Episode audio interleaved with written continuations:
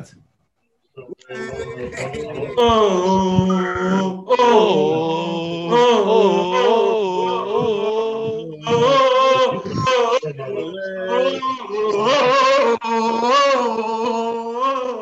Damir solo. ja šta želite. Damir baš želi utakmice. Treba je nam samo u... Nek smo odigrali nekad nešto je bio, ovaj, koji smo igrali futbol. E, Raja, pozdrav svima. Najnovija epizoda Sirovi emocija, upravo završena tekma protiv Lestera, u kojoj smo ih u svemu nadigrali i dobili smo je sa 3-1. A moglo je puno više, danas je malo sreća poslužila sa nekim šutima. Danas sa mnom su manje više svi sretni učesnici, Damir, Čuči, Čala i Ado Bošnjo. Ok, ajmo uvodna minuta. Damir, od tebe tim izgledaš najsretniji, nisam te tako sretnog vidio, ne sjećam se. Pa podijeli svoju sreću sa nama. Od kako smo Chelsea dobili života, nije vakav bio. I znaš što, odigrali smo danas, futbal smo igrali danas protiv Lestera, ono, zadovoljan sam, znaš što zadovoljan, zadovoljan sam što je proigrao William. I što je Pepe pokazao napokon da, da, da vrijedi nešto od 70 miliona, što ja znam.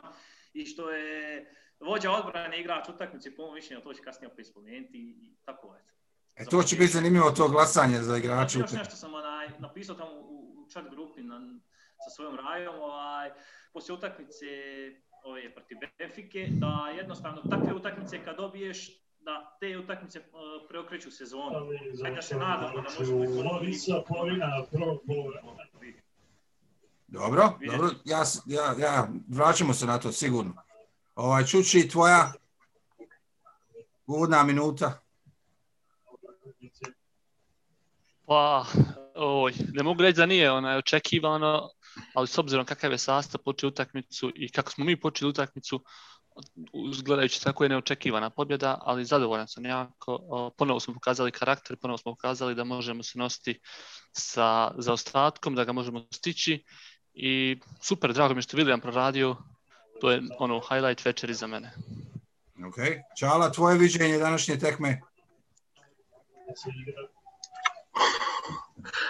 Na forumu sam napisao kada je počela utakmica da je ovo katastrofa, da izgledamo kao poluprofesionalna ekipa i nikad slađe nisam svoje riječi progutao. Nikad.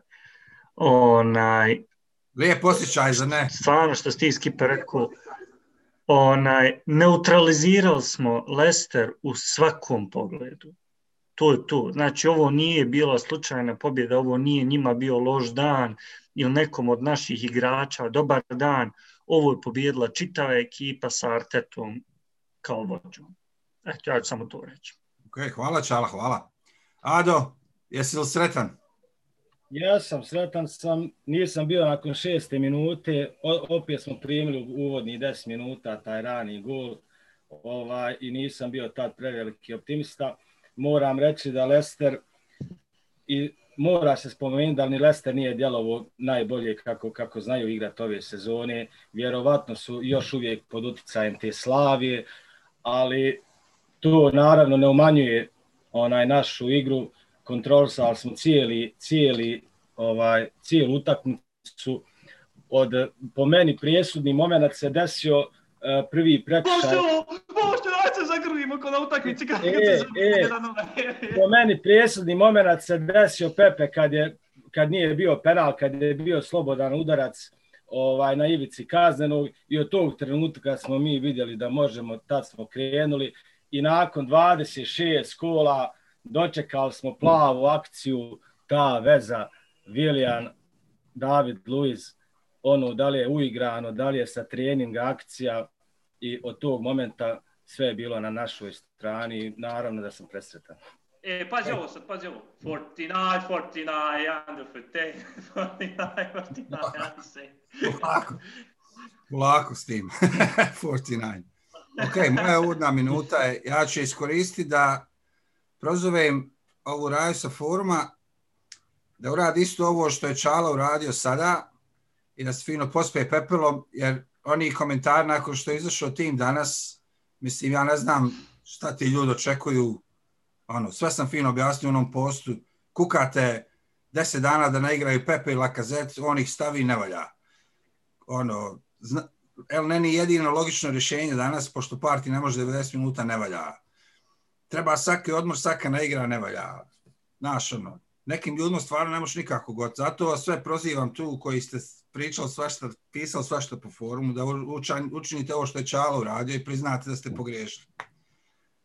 Rasturi smo ih. Ali znaš šta je, ovaj, ja prije početka sezone, ja stvarno mislim da će biti ta, taj napadački trio, ovaj, Willian, uh, Aubameyang, Lacazette i, i Pepe. Četvorka ta napadačka, recimo. Prije početka sezone, obzirom da nismo računali na svaku toliko ozbiljno, možda kao, sad smo ono, sigurni da ga niko ne može izbaciti iz ekipe, da naš najvažniji igrač. Ja od najboljih igrača to je bio, to, ja sam početak sezone, baš mi se, evo danas smo i vidjeli i baš, baš mi je drago ono što su i jedan i drugi odigrali. Jedan, sad može bilo ko reći Pepe igrač utakmice ili Viljan igrač utakmice, apsolutno ne možemo poreći ništa u tom slučaju. Obojica fantastični. Ok, mijenjaju se neke slike na telefon, Damire. Dobro, sad, Pame, razumiješ, evo vidiš, sad će onaj ponovo Arsenal i tako. Evo, evo i, evo i, evo i u, u tunelu, gledaj, koja je? Da ću, Hoćemo prvo, možemo li prvo o jednom igraču ovdje? Evo, nije te bilo u četvrtak ovaj Damire nakon Benfike i tu se povela još jedna bila ono diskusija o Vilijanu i činim da sam ja to već bio jedini koji je rekao aj malo stante na loptu. Yes. Možda je ovo što smo vidjeli večeras neka naznaka nečeg što bi moglo doći pozitivnog i čovjek je danas odigrao, ja ne znam da mu koji šta može zamjeriti i, i koliko je tih par asistencija što je danas uradio učinilo za njegovo samopouzdanje, to se moglo vidjeti u drugom poluvremenu. Ja mislim da nije jedan pogrešan pas dodao. Poč, tako da, šta, šta je, je li to Viljan kojeg smo priželjkivali, je li to Viljan koji nam treba, je li to Viljan koji će igrati za nas u budućnosti? To je Viljan, to je Viljan, koji smo svi očekivali, ali opet to je samo jedna utakmica ne treba na osnovu samo jedne utakmice davati ocjene i neke utiske. Treba vidjeti. Ovo je, po meni ovo je sastav koji smo očekivali protiv City, a da će on napraviti ove promjene i sa ovim sastavom, da će on nastaviti takmičenje u Premier ligi, a da ćemo on, onaj drugi koristiti u Evropskoj ligi. To se vidjelo i onaj, mislim da ne treba samo na osnovu jedne utakmice analizirati. Treba pogledati sad kako će dalje to funkcionisati, da li će nastaviti pružati takve partije a do, sa druge strane Pepe, Pepe je sve večera skoro što smo napravili, Pepe zaslužan bio, nema. Da. Ovaj, morat, morate priznati jednu stvar, od početka sezone čekam Vilijana i, i nisam rekao ništa loše protiv njega. Od početka sezone, jedini možda, jedini možda. Ja napokon sam dočekao jednu dobru njegovu partiju asistencije, fantastične, nema šta igra, odlična. A u Pepe, Pepe mi je fascinantan, jedan na jedan, jedini igrač u klubu koji može da igra jedan na jedan trenutno. To, to. Da, mo, mora, mora, izvinjam, morate malo onaj hladiti sa Pepeom, ipak on je igrao protiv onog, ne znam ni kako se zove lik.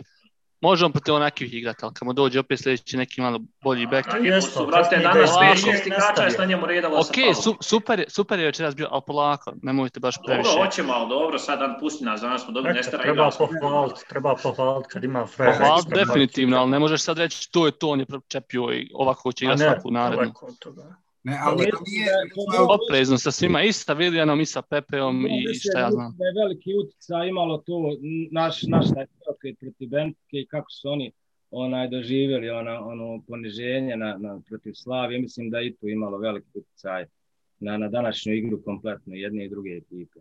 Da. Evo sam da kažem još ovo za, za Vilijana, naravno, Ado, slažem se s tobom, ne dižem ga u zvijezde ni ništa, samo možda da kažem, kad primijetite da igrač nešto promijenio u svojoj igri, da, da ide nekom uzlaznom putanjom, treba ga podržati. Naravno. Da. Znaš, to, to se dešava eto, u zadnju tekmu i po, po meni, a dešava se Pepe u zadnjih nekoliko utakmica i moguće da ovo danas bilo možda i na... dva mjeseca Ali treba biti realan, ako William proigra, to je naše najveće pojačanje. Mislim, bez obzira što šta dovedeš i kupiš na ljete, to je naše najveće pa. pojačanje za iduću sezonu, da, ali za ovu kasno Marko na Kosovo. No, dobro ima Europa Liga, koristano igrač Europa Liga. Da, vratit ćemo se još na ovu sezonu, ono, pri kraju ovaj, emisije. Hoću da sad malo oteknem. Znači, ovaj, krenuli smo onako prilično otvoreno i onda greška, velika greška Pablo Marija u, u pokrivanju. E, previše, previše ih je sve izgleda ovaj, isfuro ovaj, e, Vardi, pa su ga dvojica morala kao čuvati. Tako da ovaj, tu smo primili go, ali nakon toga ja se ne sjećam da su oni imali neku ozbiljniju šansu. Pa i nisu bio na šucom Barnesa i mislim Bio da posle Barnes, toga to, to. nije bilo nešto previše. Ovo pred kraj imali- je se malo gužvalo, ništa specijalno. Mi smo danas imali fascinantan posjed lopte. Ne znam kako završimo na kraju. U nekom jednom trenutku smo na 72 protiv Lestera. Mislim, to je fantastično. Za mene je bilo fantastično. Odigrali smo jednu odličnu utakmicu, igrali smo futbal prije svega. Jedino malo više grinti. 56.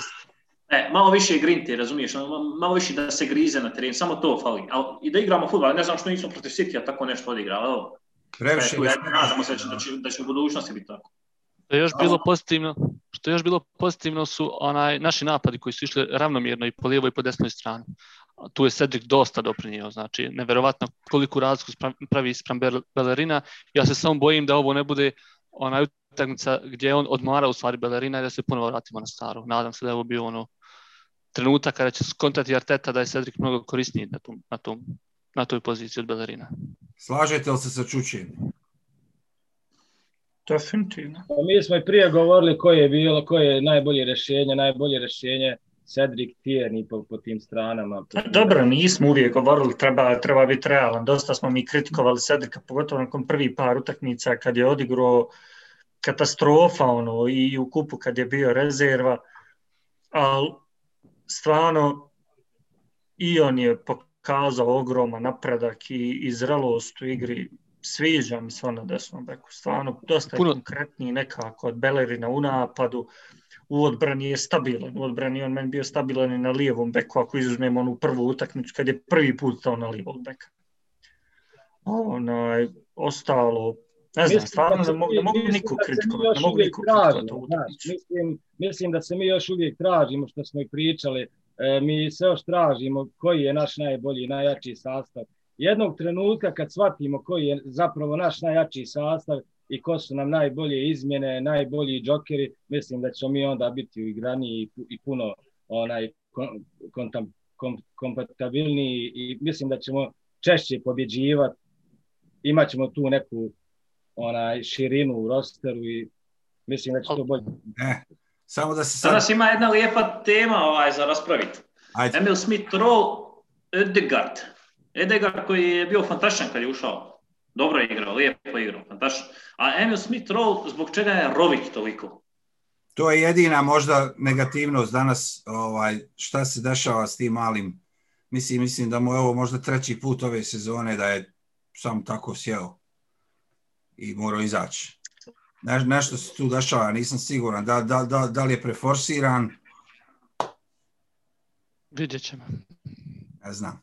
Pa moguće, jer i on je, i on je u ekipu uletio kao neki džaker, ono, mislim da se uopšte nije računalo na njega od početka sezone, da će ovoliko igrati. Ne znam, vidjet ćemo. E, Vidjet ćemo šta javi doktori Samo naši. nadovežem na, na ovo Bošnjino što je rekao, da se još uvijek tražimo, ali eto, da budem ja sad super ono pozitivan nakon ove pobjede i sve. Znači, imali smo taj, tih 11 na terenu koji su rasturili tim koji je treći na tabeli. Ovaj, kod njih. Jel, u gostima smo ih rasturili. A kako je naša klupa izgledala danas? Kako je moćno ta klupa izgledala? Da. Daka, partije, Aubameyang, To mi je puno- Odegaard. To je puno nekako bitnije da mi imamo taj neki tim kompletan s klupom bolji nego da tražimo tih 11. Ja mislim da baš naš, naš onaj najjači eh, adut ove sezone i naredne sezona treba biti upravo taj, taj široka ekipa koju gdje, gdje će biti svejedno da ti zamijeniš, evo, na primjer, uh, Sako ostaviš na klupi, kogod da uđe da odigra slično ili isto. To, to nam je nekako, u tom Ne, smjeru ja trebamo ići. reći, ja sam samo htio reći da po mom nekom utisku mi još uvijek ne znamo, evo vi svi, ispravite me ako, ako griješim, svakog od vas bi pitao, ovaj, da li vi još uvijek znate koji, koji tim da koristite u Premier Ligi, a koji tim da koristite u Evropi. Pa dobro, nismo mi baš znači- siti da imamo dva tima, mi možemo Opa. rotirati na nekim pozicijama, A treba ovaj, shvatiti da mi smo možemo danas... rotirati u napadu. Tu, tu imamo stvarno širinu. Jer za mene, još za mene je Premier. Liga prioritet. Da budeš konstantan, da imaš, da, da se ne dešava Aston Villa, Burnley, Wolverhampton, da se te utakmice pobjeđuju, pa kako budemo igrali u derbijima, budemo. ovaj, a u Evropskoj ligi ili ligi prvaka šta se napravi, napravi. A znaš šta je po mom mišljenju, ajde sad kad se dotako te teme, po mom mišljenju najvažnije sad im uhvatiti neki kontinuitet. Evo imamo Burnley, imamo Tottenham kući što je bilo jako lijepo pobijeti, ja bi ga, tamo smo izgazili igrom, vjerovatno što nam Mourinho prepustio sredinu terena i na kraju smo nas na dvije kontre. Ovaj, imamo West Ham u gostima, znači nije, nije da nije realno, jer možemo se nadati, imamo dobar ritim, po mom mišljenju imamo dobar tim, jer ga, onaj, i treba uhvatiti taj kontinuitet u ligi i nije svejedno završiti sedmi i dvanesti, jebi ga na kraj krajeva, kako god okreniš. Ok. Može do šest, bilo bi super, ali sad opet ostavljamo to za neku drugu Ok, priču. sad ću malo tome, ali prvo da, da ono što je spomenuo u svojoj uvodnoj minuti, kako je ona tekma protiv Benfike, to je drugo polovrijeme, jel, e, pokazalo se ključnim, možda za ostatak sezone i, i po meni to je druga, druga prekretnica ove sezone. Prva je bila tekma protiv Chelsea kući, kad je stvarno bilo hoće li dobiti otkaz, neće li dobiti otkaz, nakon te tekme se sve promijenilo i izgleda, bar po ovom što smo danas vidjeli, da je druga velika prekretnica bilo to drugo polovrijeme protiv Benfike. E sad, naravno, vidjeli smo da smo dobili Olimpijakosa, to je za ulazak u četiri finale, to, to- to je još uvijek nepoznanca, ali šta ja hoću da malo sad pričamo, naravno nekoliko minuta, je Liga. Jer ja sam rekao, kad dođemo na sedam utakmica do kraja, a nismo bar pet bodova od četvrtog mjesta, ja ću reći da je gotovo. Danas kako stvar stoje, mi smo osam bodova od četvrtog mjesta, 12 utakmica. Ja sam na brzinu pogledao raspored, od tih 12, sedam je protiv timova koji su bottom seven. Znači, zadnja tri, Burnley, Crystal Palace, Newcastle. I onda imamo naravno Tottenham, imamo West Ham, imamo Liverpool, Everton i imamo Chelsea predzadnju utakmicu Chelsea druga. na strani. To bi mogla biti baš, Znači- baš presudna. Ako dođemo do, ako dođemo do te tačke. Ako nam recimo danas Manchester United napravi uslugu i drgne Chelsea, sve je otvoreno, ja mislim, još uvijek. Eto. Šta vi mislite? Previše, mislim Ma da je previše je timova sezona, ispred ne nas. smijem, ne smijem biti optimista, ne Da smijem smo mi- biti pesimista. Da smo mi možda ovako šesti, a ispred nas je nepome neki četvrti koji ima osam bodova razlike, pa ti kažeš to je jedan, dva tima koja mi moramo prestići, pa hajde, neki je taj osam bodova. Ali kad ti kažeš osam bodova razlike i, i nema pome šest timova, previše tu kikseva mora da se desi. Imamo utakmicu ili od nekog dvije utakmice viška u odnosu na ostalo. Znamo, Pa imamo da su to bile Evertona. 12, 7 igramo protiv bottom 7. Znaš, nije, nije sad da imamo nešto pretjerano težak raspored. Ja kažem, ovo me nadam samo kroz Ligu Europe da ti objasni. Samo Objasnio, kroz Ligu Europe. objasnio Damir. Da. A vidi, Stvarno je treba teško, se ne, realno, treba se boriti pa za, za sve. E, Treba sad, se treba. i na oba fronta boriti, pa sad dokle dođeš, dođeš, nema veze. Ono, ja, ja, ću, ja ću znat sve, ono, nakon 10. aprila tad igramo sa Sheffield Unitedom na strani.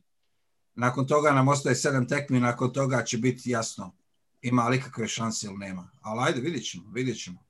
Ja sam Dobro, uvijek, lijepo je se nadat samo. ako ovako nastave igrat, umjereni optimista. Hoćemo malo da pohvalimo našeg trenera. Želi li neko to da uradi?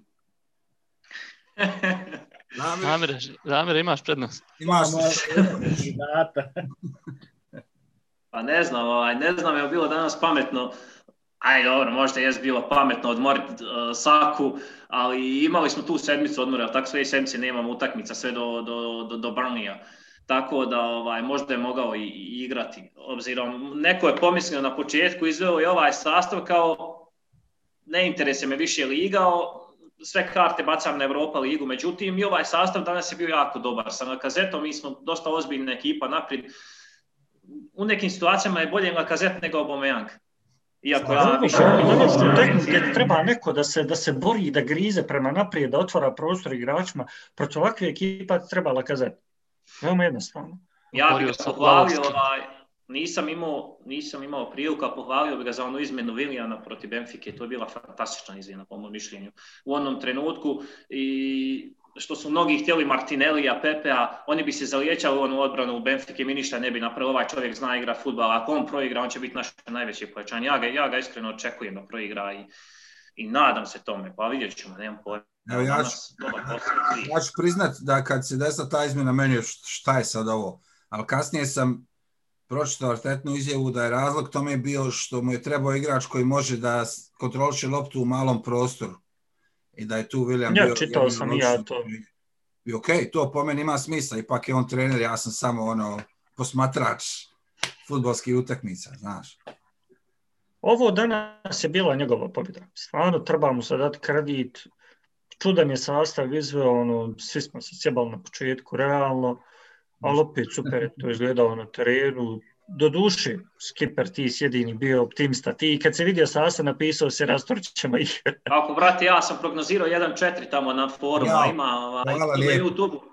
Znaš šta? Jedan momak kako- kada je vidio ja 1-4, kaže ja ću 1-3, da ne bude isto, pa on je pogodio. Znaš. Hvala ti Damire, umalo da zaboravim sve čestitke našem gledalcu pod nadimkom Hadžić, koji je pogodio rezultat 1-3. Tebi Damire, srebrna medalja za 1-4 i mislim da je Predrag stavio 1-2, to isto bilo blizu i mislim da je Hale 7 stavio da će Luis dat gol, mada i slobodnog udarca, ali eto, dao je Luis gol.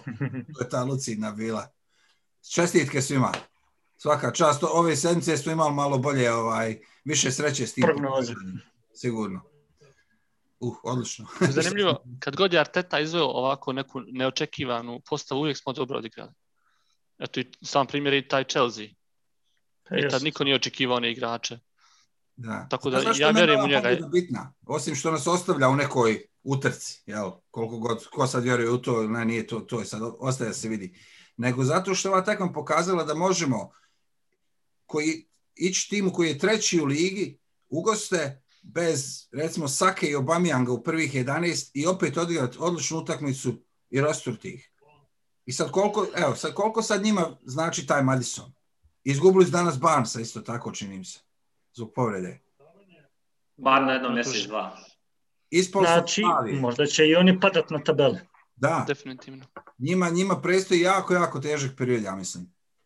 Još su jednu, još su jednu važnu povredu imali, nemam pojma, važan igrač. Čini mi se iz odbrane neko da je povrijeđen. Fofana, on je nedavno. Fana je povrijeđen. Ne, danas, danas.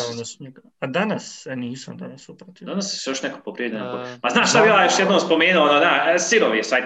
Sad, pazi, ono, 71. minut, William, op, zamahnu, kad onaj, jedan iz Lestera slomi nogu sam sebi tam na sredinu terena, sjete se. Jo, jes, mi- jes mi moćan danas bio, nema šta svaka čast. On kad hoće da igra futbal, nema boljeg od njega, ali kad- mu se ne igra futbal, nema, nema goreg. Njemu se ne igra čitavu sezonu. Njemu se ne igra, čitao se, danas mi se igrao, danas je bio fantastičan. Samo da spomenem Prvo, ovo, da ne zaboravim. prvo, Damire, prvo kolo i 26. A brojim, brate, moram, moram se nekako motivisati da, da ga vidim kako igra. Ej, Pablo Mar je napravio onu grešku na početku, ali ovo moram sad spomenuti jer ću zaboraviti. 64. minut, kako je odradio Vardija. Jesi se? A, kad ga je otresu. Nije znao ni on da je on onoliko brz čovječ. Ja sam mislio, ode Vardi, ode Vardi, ispali se, treća četvrta, ode. Ode Vardi, čovjek. Ja kontam 70% situacija ili će Vardi ovog pretrčati ili će biti crveni karton. Ono kao, znaš, zadnji igrač u odbrani. Kako ga je otresao, kako mu je uzeo loptu. Iskupio se za taj. A, Ali zato moram, eto, moram i sudiju prokomentarsati, opet je bio, opet je bilo suđenje. Onaj, to je to. Je samo, nismo, nismo nezadovoljni jer smo pobjedili, pa hajde ono, ok. Ali i Heanacho je imao prvo šakom džaku, pa nakon toga opasan start na džakom, a između ta dva je bukvalno jedno 10 metara vuko partija.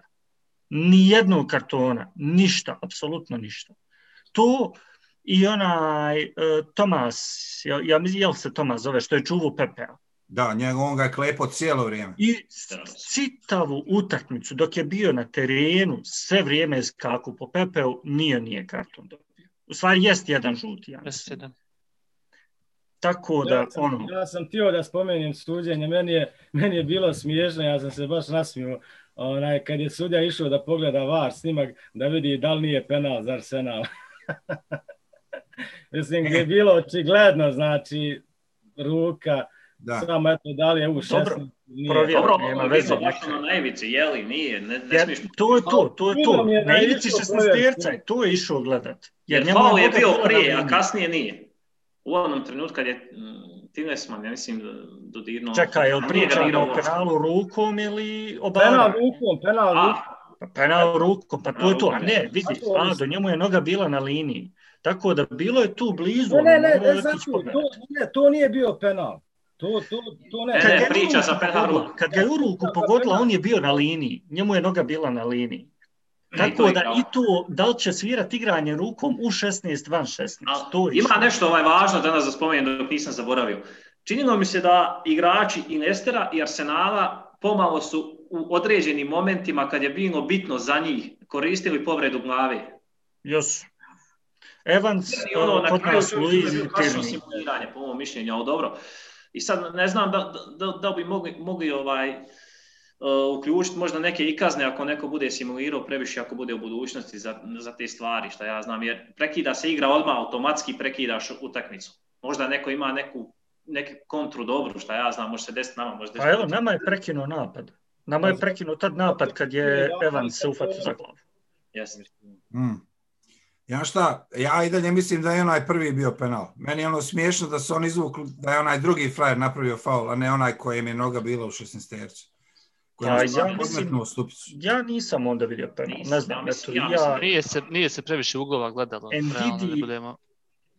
prvo uglovi su užasni, bili ono kamera na drugom kraju terena gleda taj dio. Prvo to, ono, niđe veze, nikakvog smisla. Ndidi je njega, koliko sam ja upratio, barem uh, po desnoj nozi, Da. stao mu na desnu nogu i to je bilo obaranje. Tilemans je samo tu bio u blizini. Ndidi je njega Mislim prvi zakačio i onda je on išao preko Tilemansa, ali Tilemans ja nisam vidio da ga je dotakao. I ja mislim da nije. Barem iz onog u, u Ajde, nije bitno, ba, hajde, Ma. prošli smo dalje, je bitno. Rastuli smo, rastuli smo ih. Ok, ostalo Radio. 7-8 minuta, što- o čem ćemo još do kraja? Samo moram, moram spomenuti pitanje da li bi kod penala igranja rukom, pitanje je da li bi bio var i da li bi sudja uopšte provjeravao da se igrači Arsenala nisu bunuli. Konačno, Mora to se provjeravati, mora E, e, to bi se napad i onda to ide. bila se nastavila igra. Pa da smo dali go ne bi. Kakve, Da je se nastavila, dobro. Pa to... kakve smo sreće s Varom, ja isto mislim da ko zna šta bilo. E, Bošnjo, ajde sad, prošli put smo ti, ni- nis, nisi imao vremena da pročitaš tu poruku, aj naći tu poruku od Marijana. Da ne, A ono od Marijana.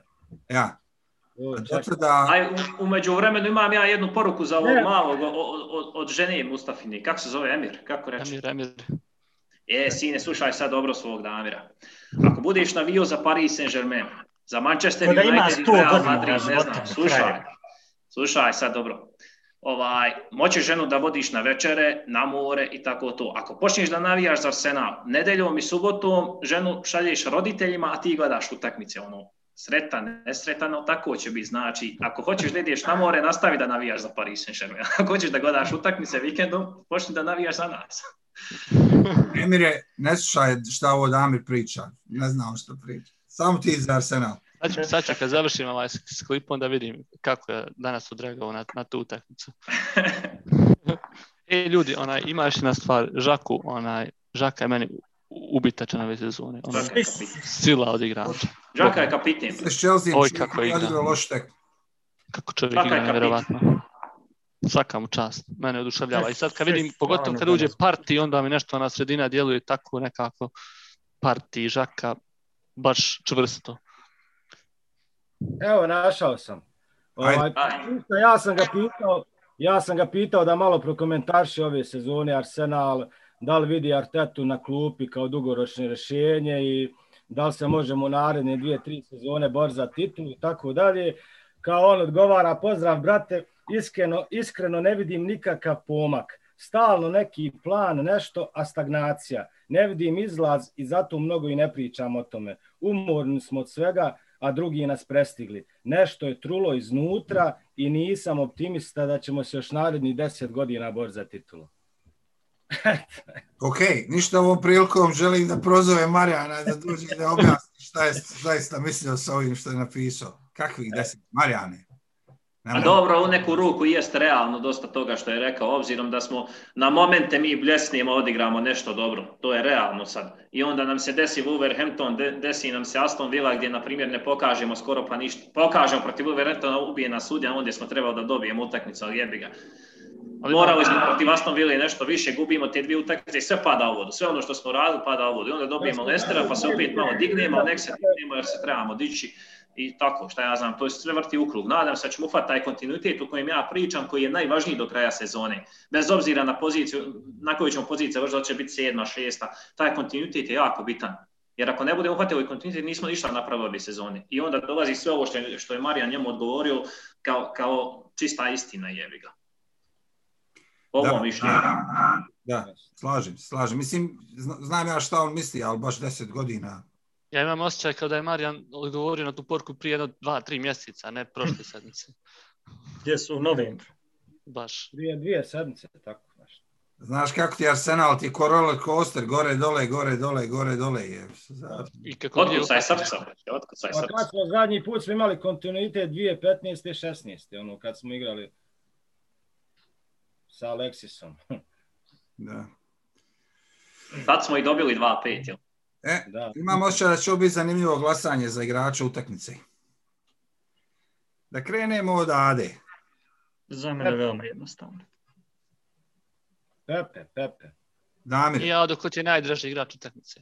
Ja ću reći ovaj, bez obzira što su Pepe i William bili odlično na terenu, po mom mišljenju David Luiz igrač utakmice. ok.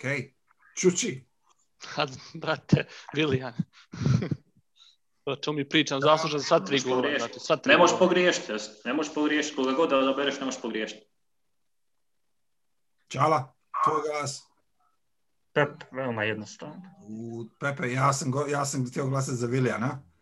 2-2 Vilijan Pepe, Damire, ti biraš igrača utakmice od ove dvojice. William, Ok. Ok, zaista su margine bile, već danas u pitanju koji je bio bolji, ali eto. Sve što, nam je, prošlo u prvom poluvremenu, prošlo nam je, išlo nam je preko Pepea, po toj strani. Evo, Znam, samo znam. Znam, ali. A dobro, kako nam je prošlo? Izvini, ali mi smo dali gol iz Slobodnjaka koji je asistirao Willian. Ako to je s te strane Pepeove, onda ok. Taj Ne, ne, ali krenuli smo, od, od Pepea smo krenuli igrati futbal, krenuli smo igrati nogomet. Možda da nije bio Pepe u prvi 11 pitanje, da li bi išta bez obzira, bez obzira koga god izglasaš danas, danas ovaj, ne možeš pogriješiti ni. Pepe, ni William, ni, Ovo ni. Ne znam, meni, je, meni baš ovo nekako ne djeluje no, opšte gusto između Pepe i Williana, jer Willian je zaslužen za taj gol za asistenciju, za drugu asistenciju i onaj gol kad smo pa, uh, iz penala postigli. On je otri su trojicu igrača, prešao kroz sredinu, uputio loptu gore i onda je bio penal. Mislim, Dobro, Meni je baš meni bilo jeste bilo blizu. Oboj- Obojica su bil, to su bila da- danas naša dva najbolja igrača. Ok, ok. Ajmo, aj, ostalo još ono na brzinu, ako neko još nešto ima, ili da odjavljujemo. Neki poseban pozdrav nekome, ništa, ne, ništa, Evo, ok. po- pozdrav, pozdrav za Marijana ako bude gledao. Pozdrav za Marijana, hvala ti na, na mišljenju. Marijane, nadam se da ćeš nekad doći u neku od naših emisija, pa da pričamo o Arsenalu. Ok, ljudi, hvala svima, svima koji gledate. Ovaj, molim vas, pretplatite se na naš kanal, posjetite naš forum, učlanite se u naše udruženje. Hvala ti Damire, hvala Čuči, hvala Čala, hvala Ado. Mi se vidimo za sedam dana ili tako nešto protiv Burnleya. A do tada držite se i sve najbolje. se ljudi.